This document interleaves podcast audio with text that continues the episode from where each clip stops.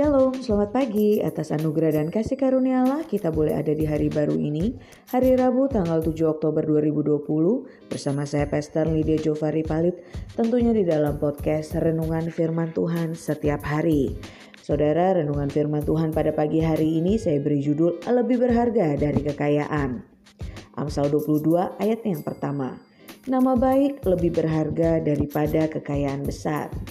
Saudara, secara umum arti kaya menurut pandangan dunia adalah memiliki banyak uang, harta, dan tentunya berpangkat. Siapa pun orangnya asal dia memiliki banyak uang dan harta yang berlimpah tanpa memperdulikan faktor lain masuk dalam kategori kaya.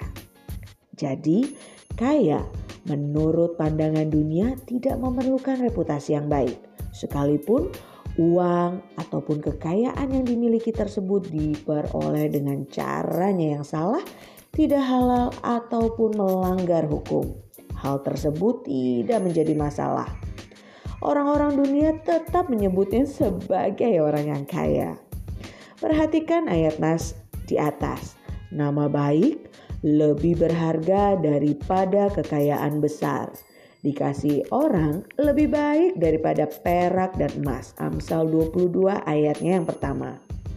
Tentu berbeda sekali bukan dengan penilaian Tuhan. Justru nama baik atau reputasi itu jauh lebih berharga dari kekayaan besar.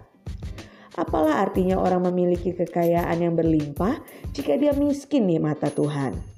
Apalah artinya orang memiliki uang dan harta yang berlimpah, tetapi ia cacat di hadapan Tuhan dan juga manusia.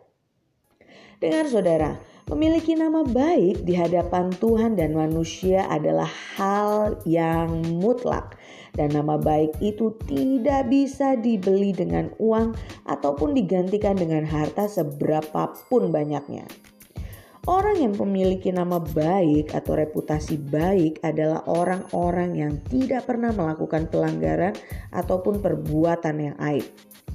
Orang percaya harusnya sudah layak dan sepatutnya memiliki nama baik di hadapan Tuhan dan juga sesama, sebab kita ini dipanggil oleh Tuhan untuk menjadi berkat bagi dunia.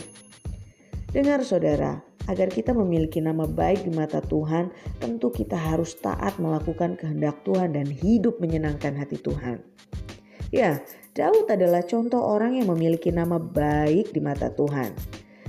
Tuhan mencatat tentang Daud, dia telah menyatakan bahwa Tuhan telah mendapatkan Daud bin Isai seorang yang berkenan di hati Tuhan dan yang melakukan segala kehendak Tuhan. Dan Tuhan berkata, sebab barang siapa yang menghormati aku akan kuhormati. Tetapi siapa yang menghina aku akan dipandang rendah. 1 Samuel 2 ayatnya yang ke-30b. Ingat saudara, bila kita memiliki nama baik sesuai dengan penilaian Tuhan, berarti kita juga memiliki kekayaan yang besar, sebab Tuhan pasti menggenapi janjinya. Kekayaan yang dari Tuhan itulah yang mendatangkan sukacita dan damai sejahtera sejati.